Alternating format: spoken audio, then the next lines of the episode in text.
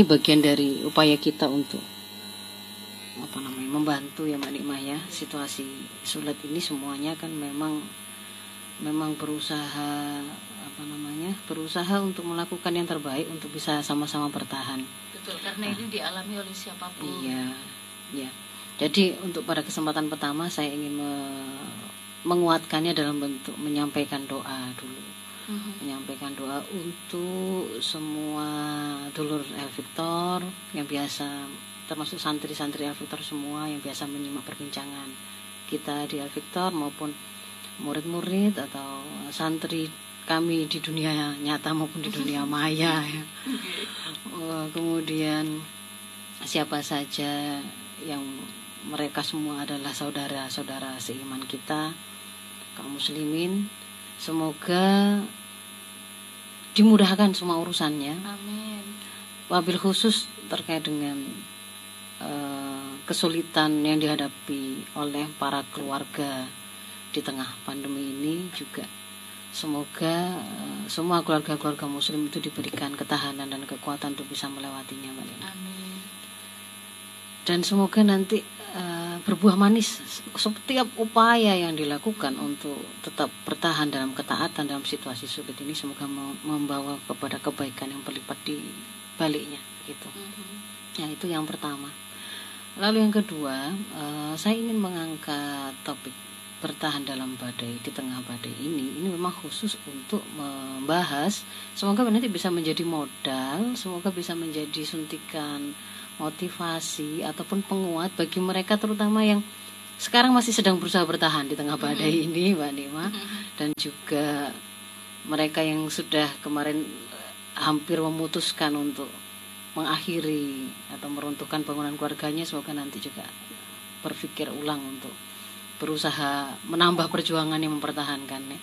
Ya jadi memang spesifik yang saya maksudkan dengan bertahan di tengah badai hari ini adalah berkaitan dengan ketahanan keluarga berkaitan dengan ketahanan keluarga yang pada masa pandemi ini ada fakta atau ada fenomena yang kita temukan bahwa ternyata pandemi ini menguak satu realitas kerapuhan keluarga muslim di Indonesia.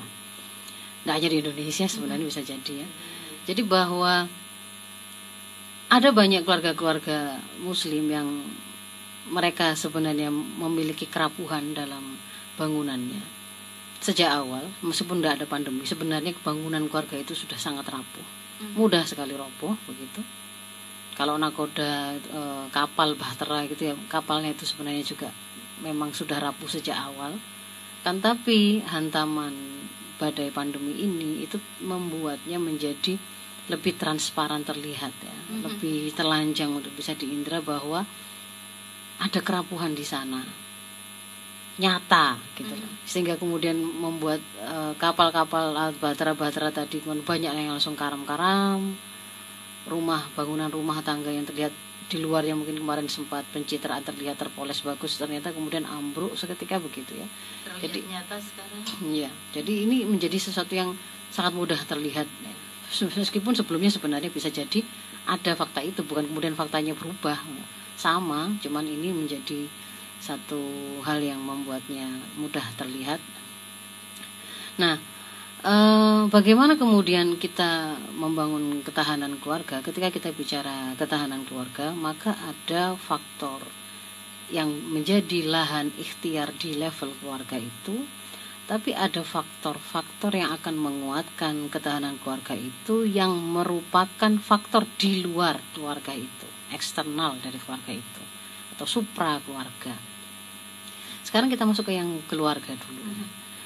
Jadi bahwa eh, kalau diumpamakan bahwa pernikahan itu adalah sebuah bahtera yang akan berlayar menuju satu tujuan, di sana ada nakoda, ada anak buah, ada perjalanan yang akan ditempuh.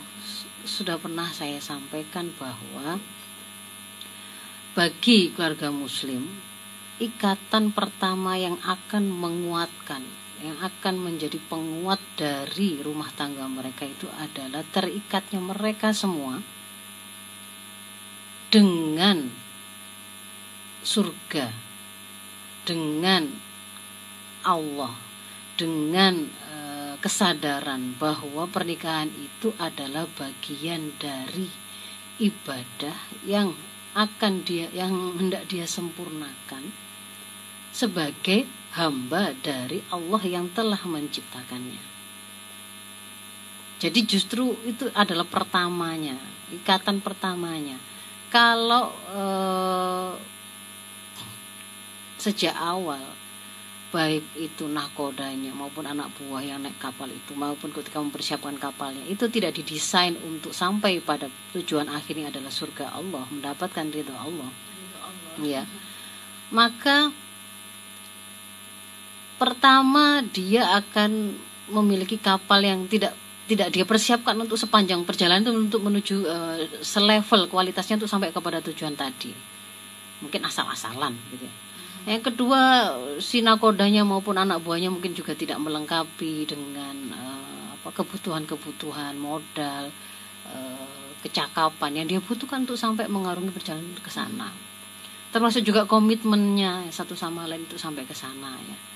Jadi kalau kemudian uh, apa namanya naik kapalnya atau membangun rumah tangganya itu hanya karena kecantikan semata karena harta, karena ketampanan, karena rasa cinta. Yang cinta itu kemudian sandarannya ternyata bukan Allah, bukan karena eh, kesadaran hubungan dia dengan Allah, maka itu akan sangat lemah.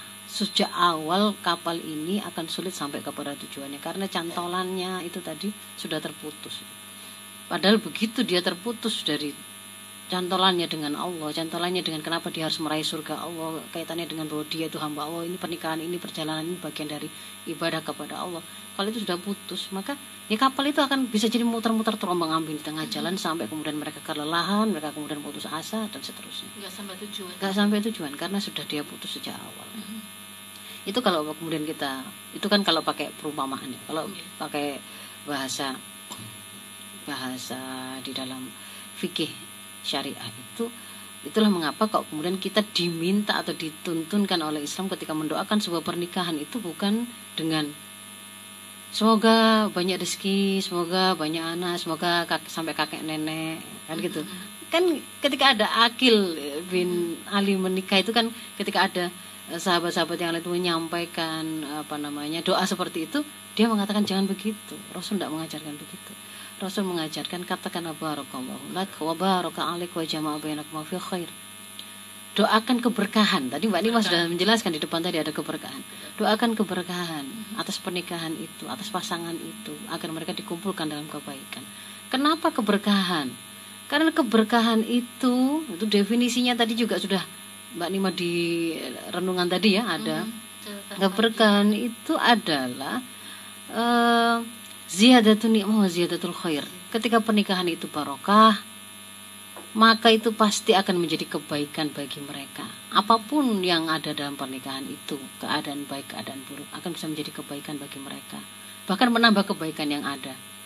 Juga nikmah, ya, menambah kenikmatan, hmm. menjadi kenikmatan dan menambah kenikmatan yang ada. Hmm. Keluarga barokah darinya, mereka tidak hanya tercegah dari melakukan keharuman perzinahan, tapi juga kemudian lahir darinya mungkin anak-anak yang kelak akan menjadi pemimpin yang akan membebaskan dan membangkitkan suatu negeri, satu kaum.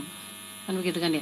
Keberkah kalau keluarga itu barokah itu tetangga-tetangga juga bisa merasakan keberadaan kebaikan mereka untuk lingkungannya. Kalau kemudian anak-anak itu barokah, istri itu barokah, maka suami tidak hanya akan merasakan ketenangan, akan merasakan nikmatnya kasih sayang, rasa cinta, yang itu menambah kenikmatan yang sudah dia miliki sebelumnya. Tapi juga ternyata pernikahan itu akan menjadi dakwah bagi dia untuk menjadi orang yang lebih baik. Hmm. orang yang kemudian lebih taat kepada Allah. Kemudian lebih siap berkiprah di tengah masyarakat yang menjadi pemimpin hmm. di tengah masyarakat dan seterusnya. Namanya keberkahan. Kemudian yang lain-lain itu terinspirasi dengan kebaikannya? Eh, betul. Gitu ya, nah, jadi memang menambah kebaikan dan menambah kenikmatan yang ada. Itu barokah. Hmm. dan kita diminta diperintahkan untuk mendoakan begitu. Okay maka kemudian kan kita mencari loh supaya kemudian bisa terjadi keberkahan itu bagaimana caranya ternyata kan tadi tidak semata-mata banyak anaknya gitu ya, tidak semata-mata sampai kakek Banyak neneknya. Lo rezekinya. belum tentu, Mhm. karena belum tentu jadi kebaikan banyak anak. Berapa Betul. banyak kemudian orang tua orang tua yang harus bermusuhan dan menghadapi banyak kesulitan karena anaknya. Mhm. Bendino di musuhi tetangga karena ulah anaknya. Dapat panggilan ke polisi dapat panggilan ke sekolah masya Allah. Tidak Ah, ternyata anaknya berzina sana sini menghamili orang sana sini. Masya Allah. Jadi melakukan keharuman. Anak banyak tidak selalu menjadi kebaikan dan tidak selalu menambah kebaikan dan menambah kenikmatan. Sampai eh, apakah ber- berjodoh sampai kakek nenek itu akan menjadi kebaikan? Belum tentu. Juga belum tentu belum ya, Ustazah, tentu. Ya. Imam Syafi'i itu orang tuanya berjodohnya sangat sebentar. Sebentar. Karena ketika Imam Syafi'i masih ada di perut kehamilan ibunya orang ayahnya sudah Ayahnya meninggal sudah meninggal. tapi ketika pernikahan itu barokah meskipun usia pernikahannya perjodohan mereka singkat di dunia ini coba melahirkan sempat melahirkan nggak banyak anaknya cuma satu Tuh ya. Cuma satu. Satu. Tapi itu kemudian pun dalam kandungan sudah ditinggal gitu ya. Masya Allah. Kan kemudian melahirkan seorang imam besar yang karyanya menjadi rujukan yang kemudian Masya membawa Allah. kebaikan menginspirasi kebaikan. Banyak orang sampai hari ini. Hmm, sampai hari ini. Maka yang disuruh dengan jari itu keberkahan. Bukan banyak-banyakan.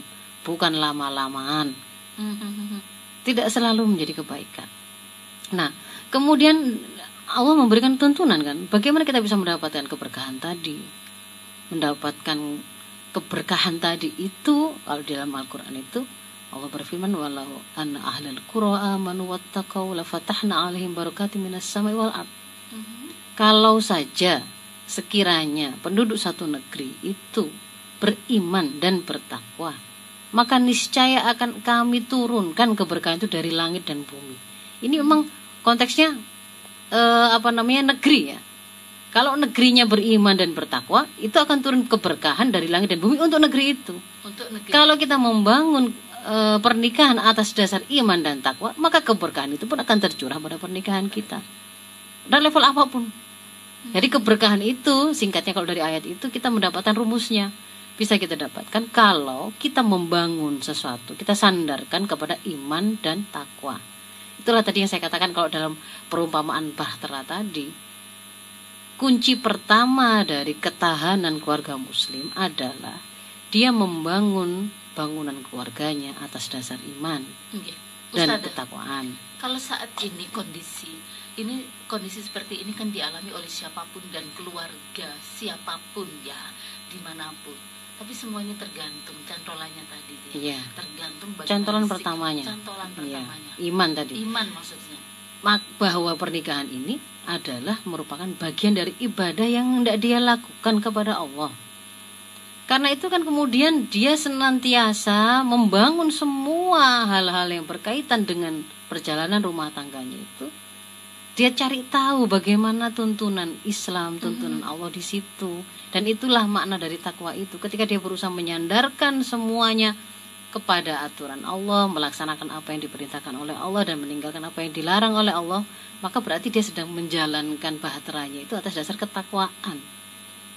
Itu kalau kemudian pakai perumpamaan tadi berarti kan sejak awal dia menikah dia memahami kalau dalam Islam itu ini adalah salah satu misakon ghalidho sebuah akot yang besar akot yang agung. Seorang suami mengambil alih amanah seorang gadis dari ayahnya atas nama Allah.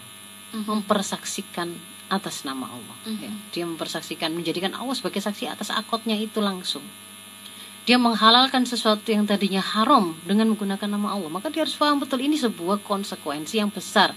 Akot itu dibuat dengan keridoannya dengan kesadarannya. Dia tidak dipaksa. Dia mengambil sebuah amanah. Anak orang dibesarkan ya dengan penuh kasih sayang dengan baik dijaga kehormatannya. Kemudian dia ambil alih amanah sekarang saya teruskan. Iya. Bapak saya lanjutkan amanah ini diambil alih. oleh dia. Termasuk di situ adalah harus difahami tanggung jawab atas baik dan buruknya pendidikannya kebutuhannya. Mhm. apa yang menjadi kelemahan-kelemahannya itu kemudian dia ambil siap mengambil alihnya gitu. surga neraka surga nerakanya. Dia mau memimpinnya dengan cara seperti apa nah. Ini harus difahami dulu dari sisi suami. Oh ini gak main-main berarti. Maka kalau masa kemudian mau menghadirkan Allah sebagai saksi men- men- menggunakan nama Allah untuk mengambil amanah dan menghalalkan sesuatu yang tadinya haram. Terus kemudian sidik-sidik buyar. Mhm. main-main itu. Ada masalah nggak bisa makan sehari aja minta buyar? Ya. main-main dengan Allah. Jangan. Jadi sadari dulu itu. Mhm. maka di situ harusnya menumbuhkan komitmen. Dia harus benar-benar bertanggung jawab dengan amanah ini. Ini untuk para bapaknya ya. Karena itu kemudian dia kan kemudian berusaha menyempurnakan modal-modal yang dia butuhkan untuk jadi pemimpin itu. Mhm.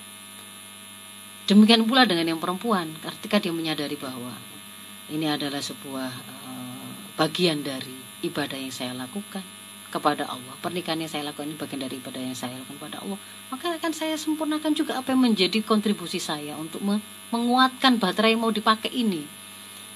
Maka tadi saya katakan sejak awal bisa jadi ada baterai itu sudah berangkatnya itu memang kuat ada yang memang asal-asalan ya memang sejak awal itu yang mungkin bolong sana sini ya. Mhm. perjalanan kekuatan baterai ini sampai ke tujuannya tadi pertama berawal dari sejak awal sendiri itu baterainya kualitasnya seperti apa nakodanya memiliki kualitas seperti apa anak buahnya juga seperti apa lalu yang kedua dipengaruhi oleh komitmen mereka untuk menetapkan visinya sudah oh ya menuju surga Allah di sana pulaunya itu di sana kan begitu Mhm. kan ya semakin gambar tujuan itu semakin kuat senantiasa. Mereka semua sama menyadari bahwa mereka itu harus sampai ke sana. Jangan mudah putus harapan. Oh, nanti ketika keadaan di keadaan di laut itu ternyata ketemu dengan apa-apa saja jangan mudah putus. Kita ke sana karena itu adalah bagian dari hidup yang kita harus bertanggung jawabkan kepada Allah. Ini bagian dari ibadah kita. Bukan sekedar kontrak sosial antar saya dan kamu enggak. Hmm, harus sampai ke Ya, sana. sampai sana gitu ya. Hmm. kemudian yang berikutnya dipengaruhi oleh sejauh mana mereka mengetahui eh, rute rambu-rambu yang harus mereka tempuh Mhm. dan komitmen mereka menapakinya gitu Mhm, loh mhm. Lalu yang berikutnya adalah eh, sejauh mana kemudian mereka bisa melakukan interaksi dengan bagus. Sebenarnya juga sama dengan eh, sesuai dengan aturan atau sesuai dengan apa yang diajarkan oleh Islam. Ketika mereka melakukan perjalanan itu kan ada berbagai macam interaksi. Nah, maka di situ ada yang sifatnya pokok, ada yang sifatnya tambahan-tambahan yang akan mengindahkan perjalanan itu. Nanti akan kita bahas di sini, teman-teman. Mhm. Jadi yang pertama tadi ketahanannya adalah berawal dari sandaran iman Mhm. bahwa ibadah ini eh, pernikahan ini adalah ibadah kepada Allah. Jangan mau dengan propaganda yang dilakukan oleh feminis ataupun para penawar sistem sekuler hari ini Mhm. untuk memutuskan pernikahan itu dari ibadah. Sering propaganda itu seperti apa Ustaz? Ayo, Kadang-kadang kita nggak ini nggak nyadar. Beberapa tahun yang lalu mungkin Mhm. kita sudah pernah dengar bahwa bahkan para feminis itu berusaha memasukkan itu menjadi eh, kompilasi dia masih jadi draft ya, Mhm. draft kompilasi hukum, Hukum Islam Islam ya. yang berusaha untuk menjadikan pernikahan itu sudah nggak usah dihubungkan dengan beribadah gitu loh. Mhm. Itu ya kontrak sosial Kontrak saja sosial, antara ya. seorang laki-laki dan perempuan. Perempuan. Supaya apa? Supaya supaya dia mau menghapuskan nggak ada hubungannya nanti keharusan harus dengan wali kalau perempuan Mhm. nggak harus kemudian ada pembagian siapa kepala ke- keluarganya Mhm. siapa penjamin nafkahnya itu supaya kemudian tidak ada itu nggak pakai aturan-aturan itu nah itu sebenarnya adalah propaganda justru akan membuat keluarga-keluarga muslim kalau mereka mengambilnya mengikutinya pasti hancur sejak awal Iya, itu kan ada pilihan juga kan waktu itu mah. Saya Iya. punya hak untuk memilih apakah saya menjadi ibu atau tidak, mau melahirkan atau Iya, tidak, termasuk juga kan- tidak, gitu ya. definisi keluarga itu kemudian mau direvisi tidak harus kemudian itu harus dengan pernikahan pokoknya kalau kemudian mereka berkumpul hidup bersama punya komitmen untuk hidup bersama atas dasar cinta Mhm. sudah Oke. Ya kan ketika diputuskan itu kan ketika diputuskan dari agama maka kan kemudian di situ keluarga itu bisa terdiri antara laki-laki dengan laki-laki perempuan dengan perempuan. Kan maunya begitu. Iya. Baik, Ya. kita kembali kepada ya saya kembali. ya, kita membahas agama. membangun ketahanan keluarga muslim ya. Kunci pertama adalah itu tadi. Mhm. kita harus menjadikan pernikahan ini adalah bagian dari ibadah. Karena justru keimanan itu harus sandaran utamanya lalu sandaran berikutnya adalah ketakwaan komitmen untuk menjadikan seluruh rambu-rambu yang diberikan oleh Allah sepanjang perjalanan itu itu sebagai guidance-nya Kesia- lalu ketiga komitmen atau kesiapan untuk mau tunduk kepada guidance tadi jadi bukan bukan maumu bukan mauku Seandainya nanti di tengah jalan itu kita ketemu dengan konflik, ketemu dengan situasi berat dan seterusnya, kembalikan lagi bahwa kita sudah sepakat ya. Nanti kalau misalnya ada konflik, ada masalah, nanyanya ke guidance-nya yang kita sudah sepakati yaitu Islam. Bagaimana dia menjawab. Maka jangan ngotot apa maumu, apa ngotot mauku. Kita sama-sama kembali ke situ. Jadi kembali. Ya, Ini ada ketika- ada kesepakatan nah, itu kan ya, ya? ya itu dibangun terus Mbak Nima sepanjang perjalanan. Jadi itu rahasia yang ketiga. Nah, yang ingin kemudian saya coba eh, apa namanya detilkan gitu ya di antara guidance-nya mungkin karena nggak sempat belajar dengan detil atau saking banyaknya belajar kemudian banyak teori-teori tentang keluarga sampai malah bi- malah bingung ya.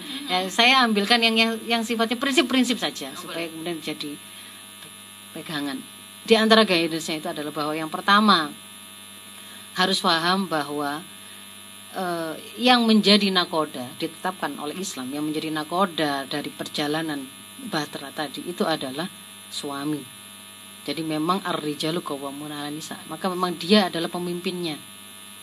Pemimpin itu adalah mereka yang melekat padanya sebuah hak, sebuah kewenangan untuk mengambil keputusan. Ya. Jadi sahibu kalimatil akhirah itu adalah suami. Tetapi perjalanan kapal ini hubungan yang terjadi atau interaksi yang terjadi antara suami dan istrinya itu adalah hubungan persahabatan yang sempurna antara dua orang. Satu dengan yang lain itu saling mencintai, penuh kedekatan, penuh keakraban. Sangat sempurna kenapa? Karena bahkan aurat satu dengan yang lain itu tidak ada yang tidak diketahui Hmm. semuanya terbuka satu sama lain sehingga kemudian mereka punya komitmen karena tahu kelemahan masing-masing Tahu kelemahan masing-masing. Mhm. berusaha untuk menutupi itu kan dikatakan oleh Islam menjadi pakaian satu dengan yang lainnya kan? Hmm. hubungannya sangat hangat hang- hubungannya sangat dekat penuh cinta penuh menginginkan kebaikan. Bukan atasan bawahan bukan pegawai dan yang digaji bukan majikan dan bawahan bukan. Ini hubungan persahabatan. Tetapi ketika kemudian eh, jadi mereka akan biasa berdiskusi berdialog sebagai layaknya sahabat ketika Hmm, berbicara iya, iya. tentang apa pun. Mau menyekolahkan anaknya ke mana di situ boleh mereka kemudian berdiskusi dan seterusnya begitu ya. Iya. tapi ketika seandainya pun tidak ketemu padahal ini perjalanan ini kan membutuhkan keputusan maka sudah Allah tetapkan sahibu kalimatil akhirah adalah suami pemilik keputusan adalah suami Pemilik keputusan. dan kemudian Allah sudah tetapkan di dalam termasuk bagian rambu-rambu itu yang harus dipahami oleh keluarga muslim adalah bahwa supaya perjalanan ini tuh mulus gitu ya ketika keputusan sudah diambil Mhm. Dan keputusan itu bukan sesuatu yang akan me- me- me- membawa kapal ini keluar dari jalurnya ya, maka si si amir si kepala keluarga ini tuh diberi hak oleh Allah untuk ditaati secara mutlak kecuali dalam satu hal satu keadaan Mhm. yaitu kalau dia dalam rangka maksiat pada Allah ya itu harus paham Mhm. jadi bahwa oh, itu sebenarnya sangat menguntungkan gitu loh. Kita itu hanya wajib taat ketika dipastikan sinakoda itu tetap berjalan menuju ke tujuannya tadi kan, ke surganya tadi, bukan dalam rangka maksiat. Kalau dia jelas-jelas memutuskan untuk berbelok, nah kita nggak usah lanjutkan ke sana. Kita pindah menuju ke neraka saja. Ayo sama-sama maksiat begitu ya. Lah itu kita tidak wajib taat. Kita boleh berpikir turun dari kapal itu. Tapi ketika kemudian masih ke sana, meskipun keputusan itu tidak sesuai selera kita, wajib taat. Itu untuk memastikan tidak ada rongrongan untuk hal-hal yang sebenarnya tidak diperlukan begitu. Ya kan? Jadi si kepala eh, si nakoda, si kepala keluarga mendapatkan hak itu. Sementara anak buah kapalnya tadi, semua yang ada menjadi anggota keluarga itu, para istri, mereka diberi oleh Allah hak mendapatkan perlakuan ma'ruf, muasyarah bil ma'ruf. Para suami itu diperintahkan untuk menggauli, mempergauli istrinya, keluarganya itu dengan ma'ruf. Ma'ruf. Kan khairukum khairukum li ahli. Sebaik-baik dari kalian para suami itu adalah yang paling baik perlakuanmu, akhlakmu pada keluargamu. Dan contoh yang kayak gimana sih yang baik itu? Wa ana khairukum li ahli. Kan gitu Rasul. Mhm. Aku ini contoh terbaik orang yang paling baik akhlaknya pada keluargaku. Ya lihat bagaimana Rasul. Bagaimana romantisnya beliau kepada istri-istrinya, hangatnya beliau dengan anak-anak hingga cucu-cucunya, bagaimana kemudian beliau itu meringankan diri untuk membantu istri-istrinya. Ya misalkan beliau juga menjahit baju sendiri, membetulkan sepatu sendiri, ketika kemudian satu saat kemalaman pulang itu karena kekhawatiran mengganggu beliau tidak mengetuk pintu tapi tidur di balik pintu. Sementara sang istri juga karena semangat nanti kalau saya ketiduran diketok nggak dengar saya tak mendekat ke pintu biar dengar jadi masing-masing berpikir untuk eh, sahabatnya dengan terbaik karena penuh rasa kasih sayang dan cinta penuh dengan apa namanya keinginan untuk kebaikan saling membaiki masing-masing ya. Semalam itu mereka berdua tidur di balik pintu yang sama. Masing-masing. Oh, kan sangat romantis kalau hari ini gitu ya kan film-film itu. Oh, itu bisa menjadi film loh kalau sekarang Iya, contohnya kemudian bahwa beliau kemudian minum satu gelas, nah, itu banyak lah gampang dibaca. Hmm. Tapi intinya adalah bahwa di antara yang harus diketahui oleh keluarga Muslim adalah kalau Amir itu memiliki hak untuk ditaati selama tidak bermaksiat kepada Allah, berarti para istri jangan merongrong untuk hal-hal yang tidak perlu. para istri jangan merongrong hal-hal Untuk hal yang tidak perlu. Hmm. Misal kita di kita dimin, kita minta tolong suami, minta diantarkan ke satu tujuan gitu ya. Iya. Kita mungkin tahu jalur paling cepat itu harusnya lewat sini sini sini sini gitu. Hmm. ternyata suami kita punya pikiran lain saya mau lihat sini sini Mhm. nah itu ya Iya. sebenarnya kan yang kemudian eh, dibutuhkan yang kita butuhkan itu kan sampai di tempatnya tadi Mhm. tapi karena kemudian kita merasa wah ini tidak gak paham gak pasti paham jalan ini suami saya ini. Ketika kemudian kita itu kemudian Jadi rame ya? akhirnya apa namanya sakit hati. Bisa kita membuat ya? membuatnya jadi ramai itu bisa. Membuat kita itu merasa sakit hati dan jengkel dengan suami kok punya suami kok kok parah sekali payah sekali. Mau dibikin jadi kayak gitu juga juga bisa. Atau kemudian kita berpikir lawang apa namanya beliau mengantarkan saya itu menjaga kehormatan saya. Ini bagian dari beliau melaksanakan kewajibannya. Yang saya butuhkan kan saya sampai di tempat tujuan dengan aman dan terjaga kehormatan. Masalah kemudian lewat jalan mana-mana itu kan mubah-mubah saja sebenarnya. Mhm. ya kan begitu kan ya? Ketika yang mubah ini saya permasalahkan itu malah jadi haram bagi saya. Saya kan malah jadi melakukan kemaksiatan. Kemaksiatan. ngapain gitu loh? Maka berlapang-lapanglah untuk hal yang itu sebenarnya bukan maksiat bukan dosa. Nah, ini terkadang ya, terkadang memilih, memilah mana yang mubah, mana yang kemudian itu sebenarnya biasa-biasa saja, tapi kemudian menimbulkan hal-hal yang haram seperti itu. Nah, Ustaz, memilah, memilih seperti itu itu butuh kecerdasan. ya butuh ilmu Butuh ilmu. ya Butuh- makanya Masya kan Allah. tadi saya sampaikan ada yang memulainya itu kokoh di depan perjalanan itu masing-masing sudah memiliki ilmu yang dibutuhkan memiliki kecakapan yang dibutuhkan kapal itu kuat ya mereka membangunnya kuat komitmennya kuat gambaran tentang visi ke surga itu juga kuat itu pun tidak menjamin pasti sampai loh karena nanti di depan itu kan kita tidak tahu ujian masing-masing itu kan sendiri-sendiri badai yang dihadapi sendiri-sendiri Ya, kondisi saat ini kan banyak kerapuhan-kerapuhan Ya. itu terjadi ya, Ya. Ustazah ya. Eh, untuk mau kembali agar keluarga ini menjadi keluarga yang cantolannya itu kuat, yang kemudian menuju pulau itu Ya. jelas, Mm-mm. keluarga itu semuanya dengan satu kesadaran iman, semuanya akan mencapai ke sana begitu. Nah, apa yang perlu dibenahi untuk saat ini ketika saat ini sudah terombang-ambing begitu. Ustaz? Nah, itu kayak nanti sedikit lagi kita mau ke situ Mbak Oke. Ima. Saya lanjutkan dulu yang ini. Jadi bahwa ketika sudah sudah tahu karena sering ternyata yang menjadi eh, faktor yang malah merapuhkan bangun perjalanan dan ngerecoki perjalanan bahtera ini adalah hal-hal yang sebenarnya itu bukan bukan hal urgen tadi itu. Para istri iya. ngomel sampai sampai dia dia nggak nggak paham kalau itu malah menjadi kemaksiatan gitu loh. Dia mempermasalahkan hal yang itu sebenarnya bukan keharuman Mhm. sebenarnya itu sesuatu yang mubah saja maka berlonggarlah kalau suaminya agak-agak kurang agak-agak kurang cepat agak lelet dalam membaca sinyal-sinyal eh, cuaca gitu ya sementara dia tahu dia tahu lebih cepat di situ letak anda itu kan bersahabat satu sama lain sahabat terbaik gitu loh. Ya saling saling mengisi kekurangannya. Menuntutnya lebih dikedepankan. sampai melakukan kemaksiatan terus kemudian jatuhlah dia kepada keharuman melakukan omongan-omongan yang Nah, dah iya, diperlukan. omongan dan itu iya. kemudian me- me- akhirnya merusak apa namanya kepemimpinan suami padahal itu menjadi satu hal yang sangat oleh oh memang dia diletakkan menjadi pemimpin suami itu memang diberikan kelebihan. tidak boleh dirongrong termasuk di antara haknya suami itu kepemimpinan itu tidak boleh dijatuhkan tidak boleh dirongrong. iya. boleh dirongrong Hmm. ya. Harus dikuatkan. dikuatkan justru Nggak boleh dibantu. nggak boleh dijatuhkan, kecuali dia itu melakukan kemaksiatan kita baru wa- wajib tidak taat. Itu kan sangat adil sebenarnya. Kenapa kalau maksiat kemudian kita tidak wajib taat. Karena berarti dia sedang memutus perjalanan bahtera ini dari cantolannya tadi kan begitu? Tapi kalau enggak ya berarti di situ tambahlah kontrolnya untuk hal yang tidak perlu tambahlah rasa syukurnya perbesar kesabarannya. Yakin begitu mereka kadang-kadang itu ini Ustaz Mas Helmi ya laki-laki itu suami itu terkadang dimarahin sama istri. Jadi laki-laki kok. Nah, jadi begitu. laki-laki Hmm, lah wis Nah, terusannya wis nggak yang perempuan punya keterampilan untuk menyampaikan lewat lisan itu panjang lebar kanan kiri maju mundur dan seterusnya. Perkara tahun ini bisa narik ke tahun pertama pernikahan begitu loh. Katanya bawaan bayi. Oh. Nah itu saya mau luruskan juga. Itu klaim-klaim psikologis yang mengatakan para perempuan membutuhkan apa? Dikeluarkan 2000 kata per hari ya. Dalam Islam kan tidak ada itu.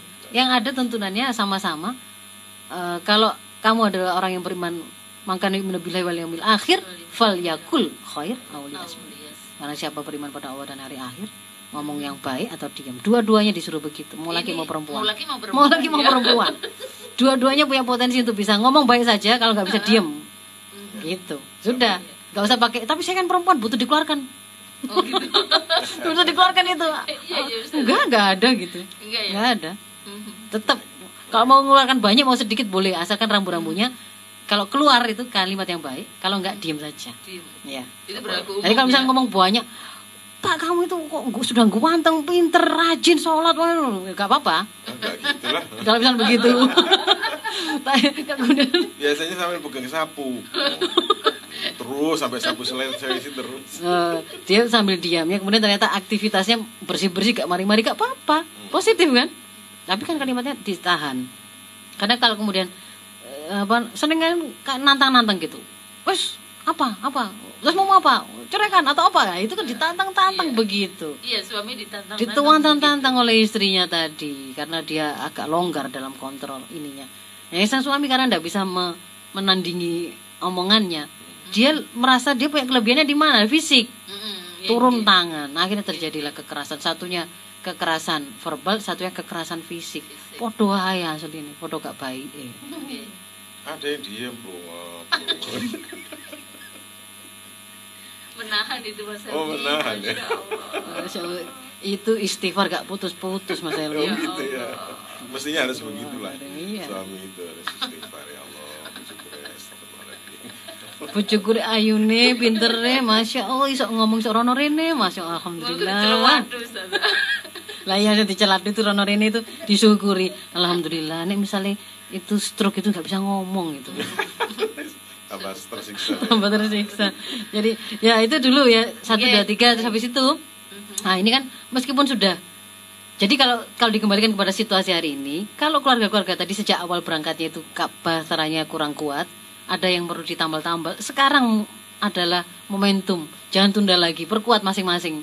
Yang tadi modal pengetahuan, ya keimanan, keimanan yang dimiliki sama-sama saling dikuatkan, ketaatan, kecenderungan untuk taat itu bisa kita asah dengan memperbanyak amal-amal nafilah.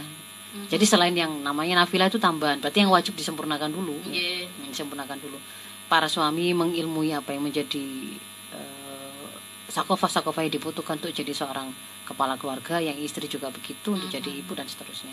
Nah, itu tips yang pertama. Jadi kuatkan bangunan yang mereka punya dulu hari ini dari sisi itu.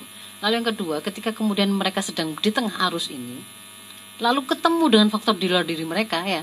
Jadi berarti kan faktor dalamnya itu asumsinya ya sudah sama-sama kuat ya, sudah sama-sama menguatkan, sudah punya komitmen, sudah tahu tadi kan di tengah kapal itu ya bisa guyon-guyon, ya bisa saling hangat, bisa saling curhat-curhatan, bisa cerita, saling satu sama lain saling membantu eh, meningkatkan kualitas diri. Istrinya lebih tahu dulu ngajarinya suaminya, suami juga begitu kan begitu. Ketika ada hal yang harus diputuskan suami yang memutuskan karena dia yang punya hak, istri kemudian dengan ketaatan membantu setiap keputusan yang diambil selama itu nggak dalam rangka maksiat. Semuanya saling menguatkan, semuanya ingin kebaikan, semuanya punya komitmen untuk taat gitu ya. Nah, ketika sudah seperti itu lalu di tengah laut ini ketemu dengan badai yang macam-macam, maka pertama pertama semakin kuatkan lagi apa yang sudah tadi sudah bangunan awal sudah disiapkan tadi. semakin dikuatkan Jangan mudah putus asa. Jangan langsung nyerah ya. Jangan langsung nyerah. Ingat tujuan kita itu adalah ke surganya Allah dan itu bagian dari tujuan hidup kita. Saya tidak main-main dengan naik kapal ini, saya tidak main-main dengan pernikahan ini. Itu harus terus ter, ter, Mhm. ter ini. Jadi jangan mudah wis angel iki wis dhewe lah wong kamu bertahan di kapal itu ada kapal itu ya. Kamu masih punya banyak hal yang bisa membantu kamu. Ada orang yang bisa diajak kerjasama untuk melawan badai itu. Itu aja kamu masih situasinya itu berat. Kok malah berpikir ayo biar dewe-dewe yo.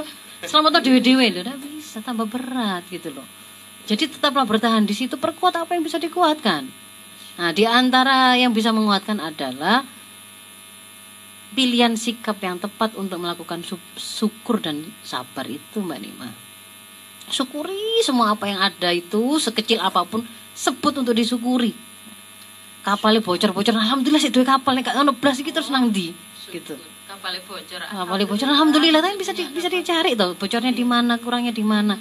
Tapi syukuri yang masih ada kapal, bentuk kapalnya saya ketok. oleng oleng oleng Oleng ya, gitu masih bisa syukuri. Ada. ada air yang berhasil masuk tapi kita masih punya tangan yang sehat kuat untuk mengeluarkan air itu berusaha menutup tambalan itu tadi. Maka itu lakukan gitu loh. Lagi itu tadi ber- diawali dengan komitmen tetap bertahan di situ ya. Bukan eh saya buyar ya satu yang merasa bisa berenang maunya meninggalkan gitu ya. Nah wes. Satunya juga lebih sombong lagi. Istrinya oh ngaku mantan atlet berenang. Mhm. suamiku kita mau ngapot-ngapotin aku di sini nanti gitu ya. Itu kan kalau diterjemahkan hari itu kena badai pernikahan ini terus langsung mikir salah kayak tawal iki jadi milik yo suamiku yo sing soleh sing soge sing macam-macam salah. Padahal iki wis 20 tahun nih perjalanan ini ya jadi jangan begitu. Jadi sekarang tetap bertahan lanjutkan perjalanan komitmennya itu perkuat menghadapi situasi sulit ini syukuri perbanyak lebih banyak kan syukur terhadap semua hal yang bisa disyukuri gitu ya. Supaya nanti Allah tambah lagi. Kan memang di- dikasih oleh Allah sebuah janji la in syakartum azidannakum syukuri. Allah nah kemudian kalau eh, untuk untuk situasi sulitnya kelemahan-kelemahan yang kita temukan akhirnya terbuka di situ kan. Ternyata suami saya itu saya nemu lagi kelemahan yang lain. Jangan kemudian berpikir "Ss, terlalu parah ini. Gitu ya. Memang benar-benar ngerepoti aku saja. Karena dia merasanya misalkan dia merasanya punya kelebihan-kelebihan ini suami saya malah nggak iki gak level. Harusnya saya tuh punya suami yang lebih begini misalnya begitu. Atau yang istri yang suami juga begitu itu dibandingkan dirinya sendiri atau Nah. dengan suami orang bisa ya bisa semuanya.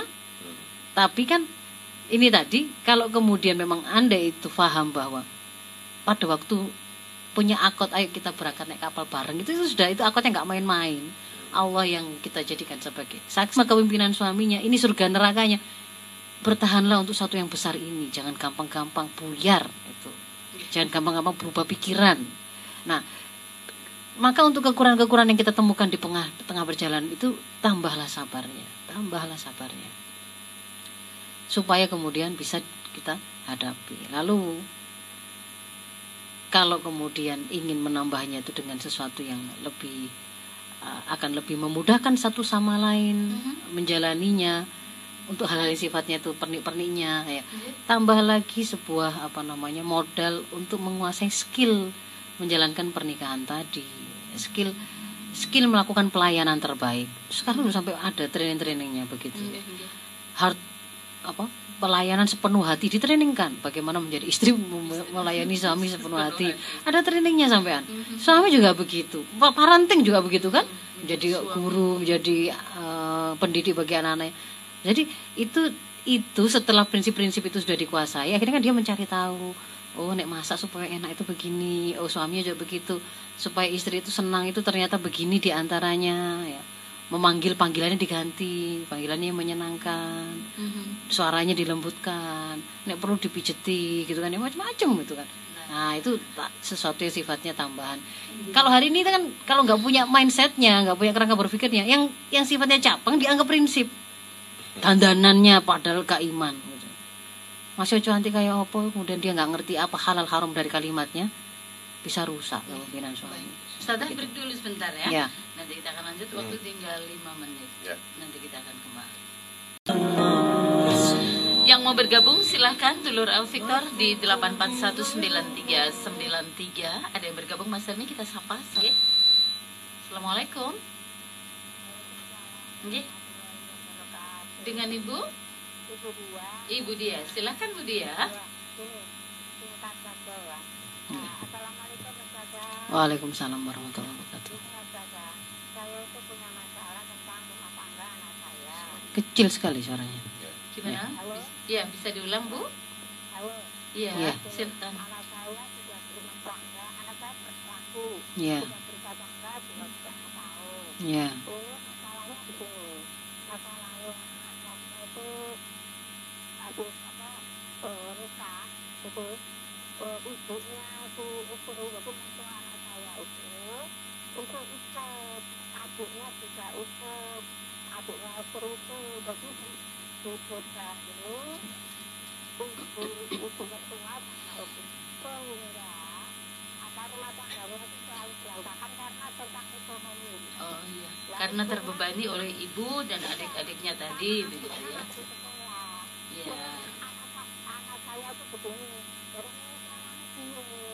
Iya. terus di rumah tangga kita ibunya marah-marah terus Baik, katanya iya. gini marahnya gini ah, marah sama anaknya jadi saya buatnya itu gue mau sih tak belum katanya adiknya tak belum Iya. jadi anak-anak saya bingung gitu jadi Bu, sebentar. Sudah. Eh, Sudah suami, nggih, nggih, sampun nggih. kayaknya sudah cukup ya. Nggih, eh, nggih sudah cukup. Kami sudah bisa memahami pertanyaan Ibu. Nggih, Nggih, nggih nggih. baik Ibu. Nggih. Terima kasih ya Bu ya. Nggih, nggih, nggih. Waalaikumsalam. Ustazah, itu yang disampaikan. Ya, ini berarti kan yang mantunya yang laki. ya? laki. Yang laki. Nggih, mantunya Nggih. laki. Jadi eh, faktor memang eksternal ini ya eksternal tapi masih dekat ya. Masih dekat ibu ya, ibu sama adik-adik. Jadi eh, memang pernikahan ini tadi kita belum sampai ini sudah waktunya habis belum sampai membahas faktor di luar keluarga. Iya. Eh, jadi ketika kemudian pernikahan itu terjadi harus difahami eh, kita mempertemukan dua keluarga. Iya. Mm. Hmm. Termasuk di situ akan ada dikenal ada ibu mertua, ada bapak mertua, ada menantu ya. Sehingga harus difahami soalnya semuanya itu bagaimana kemudian juga pengaturan Islam terkait dengan kehidupan keluarga besar tadi apa hak dan kewajibannya hierarkinya atau prioritasnya bagi seorang laki-laki manusia pertama yang paling berhak mendapatkan perlakuan baik dan ketaatannya setelah Allah dan Rasul itu adalah ibunya Ibunya. ibunya sang suami. Bagi seorang istri orang yang paling berhak mendapatkan ketaatannya setelah Allah dan Rasulnya itu suaminya Mhm. maka masing-masing itu harus menahan diri Mhm. yang menjadi orang tua dari si anak perempuan itu juga berusaha menahan diri untuk tidak cawe-cawe ke dalam rumah tangga keluarga anaknya kecuali dalam rangka membantu dan kebaikan tapi kalau tidak bisa menahan Ya. diri untuk tidak terlibat itu lebih baik Mhm. demikian pula sebaliknya Eh, ibu meskipun dia paham bahwa dia paling berhak untuk mendapatkan perlakuan baik dari anaknya maka kemudian ketika dia membutuhkan ya membutuhkan seandainya situasi itu eh, tidak tidak mengharuskan kemudian dia merepotkan anaknya. Mungkin dia akan berusaha untuk tidak melakukan itu ya. Mhm. tapi ketika kemudian melakukannya maka juga semuanya berusaha menahan diri untuk me- me- berkontribusi dalam kebaikan sesuai mampunya masing-masing. Ndak ndak perlu juga kemudian sedikit-sedikit orang tua atau ibu itu terus ngungkit-ngungkit kebaikannya. Nggak usah diungkit itu ya sudah tercatat air susuku begini begini. Kamu kembali nggak usah. Kamu sudah akad sudah paham itu. Dan itu nanti kecuali kalau anak itu tidak paham ya. Silakan diingatkan. Tapi tapi jangan kemudian kayak orang tua yang nggak ngerti gitu loh. Malah memang membebani dengan kalimat-kalimatnya ya. Ya jadi pada kondisi seperti itu kalau yang bisa saya sarankan apa e, ketika ibunya itu tadi tinggal bersama beliau itu adalah haknya ibunya memang bagian dari kewajiban anaknya. Apalagi kalau ibu tadi tidak ada siapa-siapa lagi. Kalau dia itu anak laki-laki maka dia jadi wali dari ibu itu Iya. menggantikan bapaknya. Termasuk kalau e, anak anak dari ibu tadi ternyata ada satu saudara lagi perempuan, Perempuan. belum menikah. Maka itu memang juga menjadi tanggungan dari sang suami. maka yang bisa saya lakukan yang pertama saya doakan dulu keluarga ini. Semoga dikuatkan. Amin. Suaminya juga kemudian keluarga itu dimudahkan semua urusannya diberkahi semua rizkinya diberikan oleh Allah rizki yang banyak kalau ada masalah-masalah semoga dimudahkan untuk selesai Amin. tapi komitmennya itu tadi semuanya harus bertahan untuk dengan apa kebaikannya ini semuanya harus dengan Nah, ilmu ya Ustaz lah ya? terus yang istri Mhm. ketika paham bahwa memang itu ternyata tanggungan yang harus di, ditanggung oleh suaminya maka bantulah sebisa mungkin Iya. Berarti tambah sabar dan syukurnya jangan dirongrong dan jangan mudah. Jangan mudah berpikir kak cocok iki wis abot kok gini rumah tangga. Belum tentu loh tahun ini dengan tahun depan itu berbeda sama itu belum tentu. Dua setengah tahun ini apakah kemudian 10 tahun itu pasti akan tetap seperti itu atau lebih buruk ataukah bagaimana kita tidak tahu. Tapi kalau yang dijanjikan oleh Allah kalau kamu bertahan dengan kebaikan itu pasti akan jadi baik. Oh. gitu. Jadi pilihan ada pada mereka ya. Ya kita membantu dengan doa. ya. ya, Makanya ujian itu masing-masing ada yang menemuinya pada tahun pertama ada tahun kedua ada yang tahun ke 20 tapi semuanya ya sama Mhm. untuk bisa selesai itu komitmen dari masing-masing pelakunya dan solusinya itu ada pada Islam jadi jangan apa kataku apa katamu nek menurutku kayak gini nih ya soro aku kalau dikongkon ngalah terus sampai ibu eh sampean lah nggak katamu ini. Selesai, selesai. tapi kalau kemudian tanya ke Islam, memang haknya. Memang itu ternyata itu menjadi tanggungan suaminya. Karena saya sudah berakot untuk mau menjadi istri dari suami saya, saya akan bantu sebisa mungkin. Insya Allah di balik ini kesulitan ini begitu selesai, eh, begitu kita jalani sesuai dengan aturan, oh pasti akan selesai. Karena inna ma'usri yusra, inna ma'usri yusra itu memang oleh Allah ketika diturunkan kesulitan, maka harus nampak di depan kita ada dua kayak tamu datang, si sulit datang ke kita Mhm. maka kita harus paham bersama si sulit itu ada dua mudah Mhm. ada dua mudah jadi jangan lihat sulitnya tok belum ketemu dua mudahnya tapi yakin ada dua mudah di situ bersama si sulit ketika datang bertamu. Ada dua mudah Ah. yang ngiringi iya gitu loh. Kita lakukan dulu kesulitan nah ya. saya akan hadapi kesulitan ini sesuai dengan aturan Allah. Insya Allah dua mudah itu oh iya ternyata ini tuh dua mudah itu gitu. Begitu semoga dimudahkan bu. Amin. Ustazah terima kasih Nggih, saya mohon ya maaf padahal ya. kalau berkenan agak uh, molor 4 menit 3 menit ya. Afu minkum uh, ihdinas siratal mustaqim. Assalamualaikum warahmatullahi wabarakatuh. Waalaikumsalam warahmatullahi wabarakatuh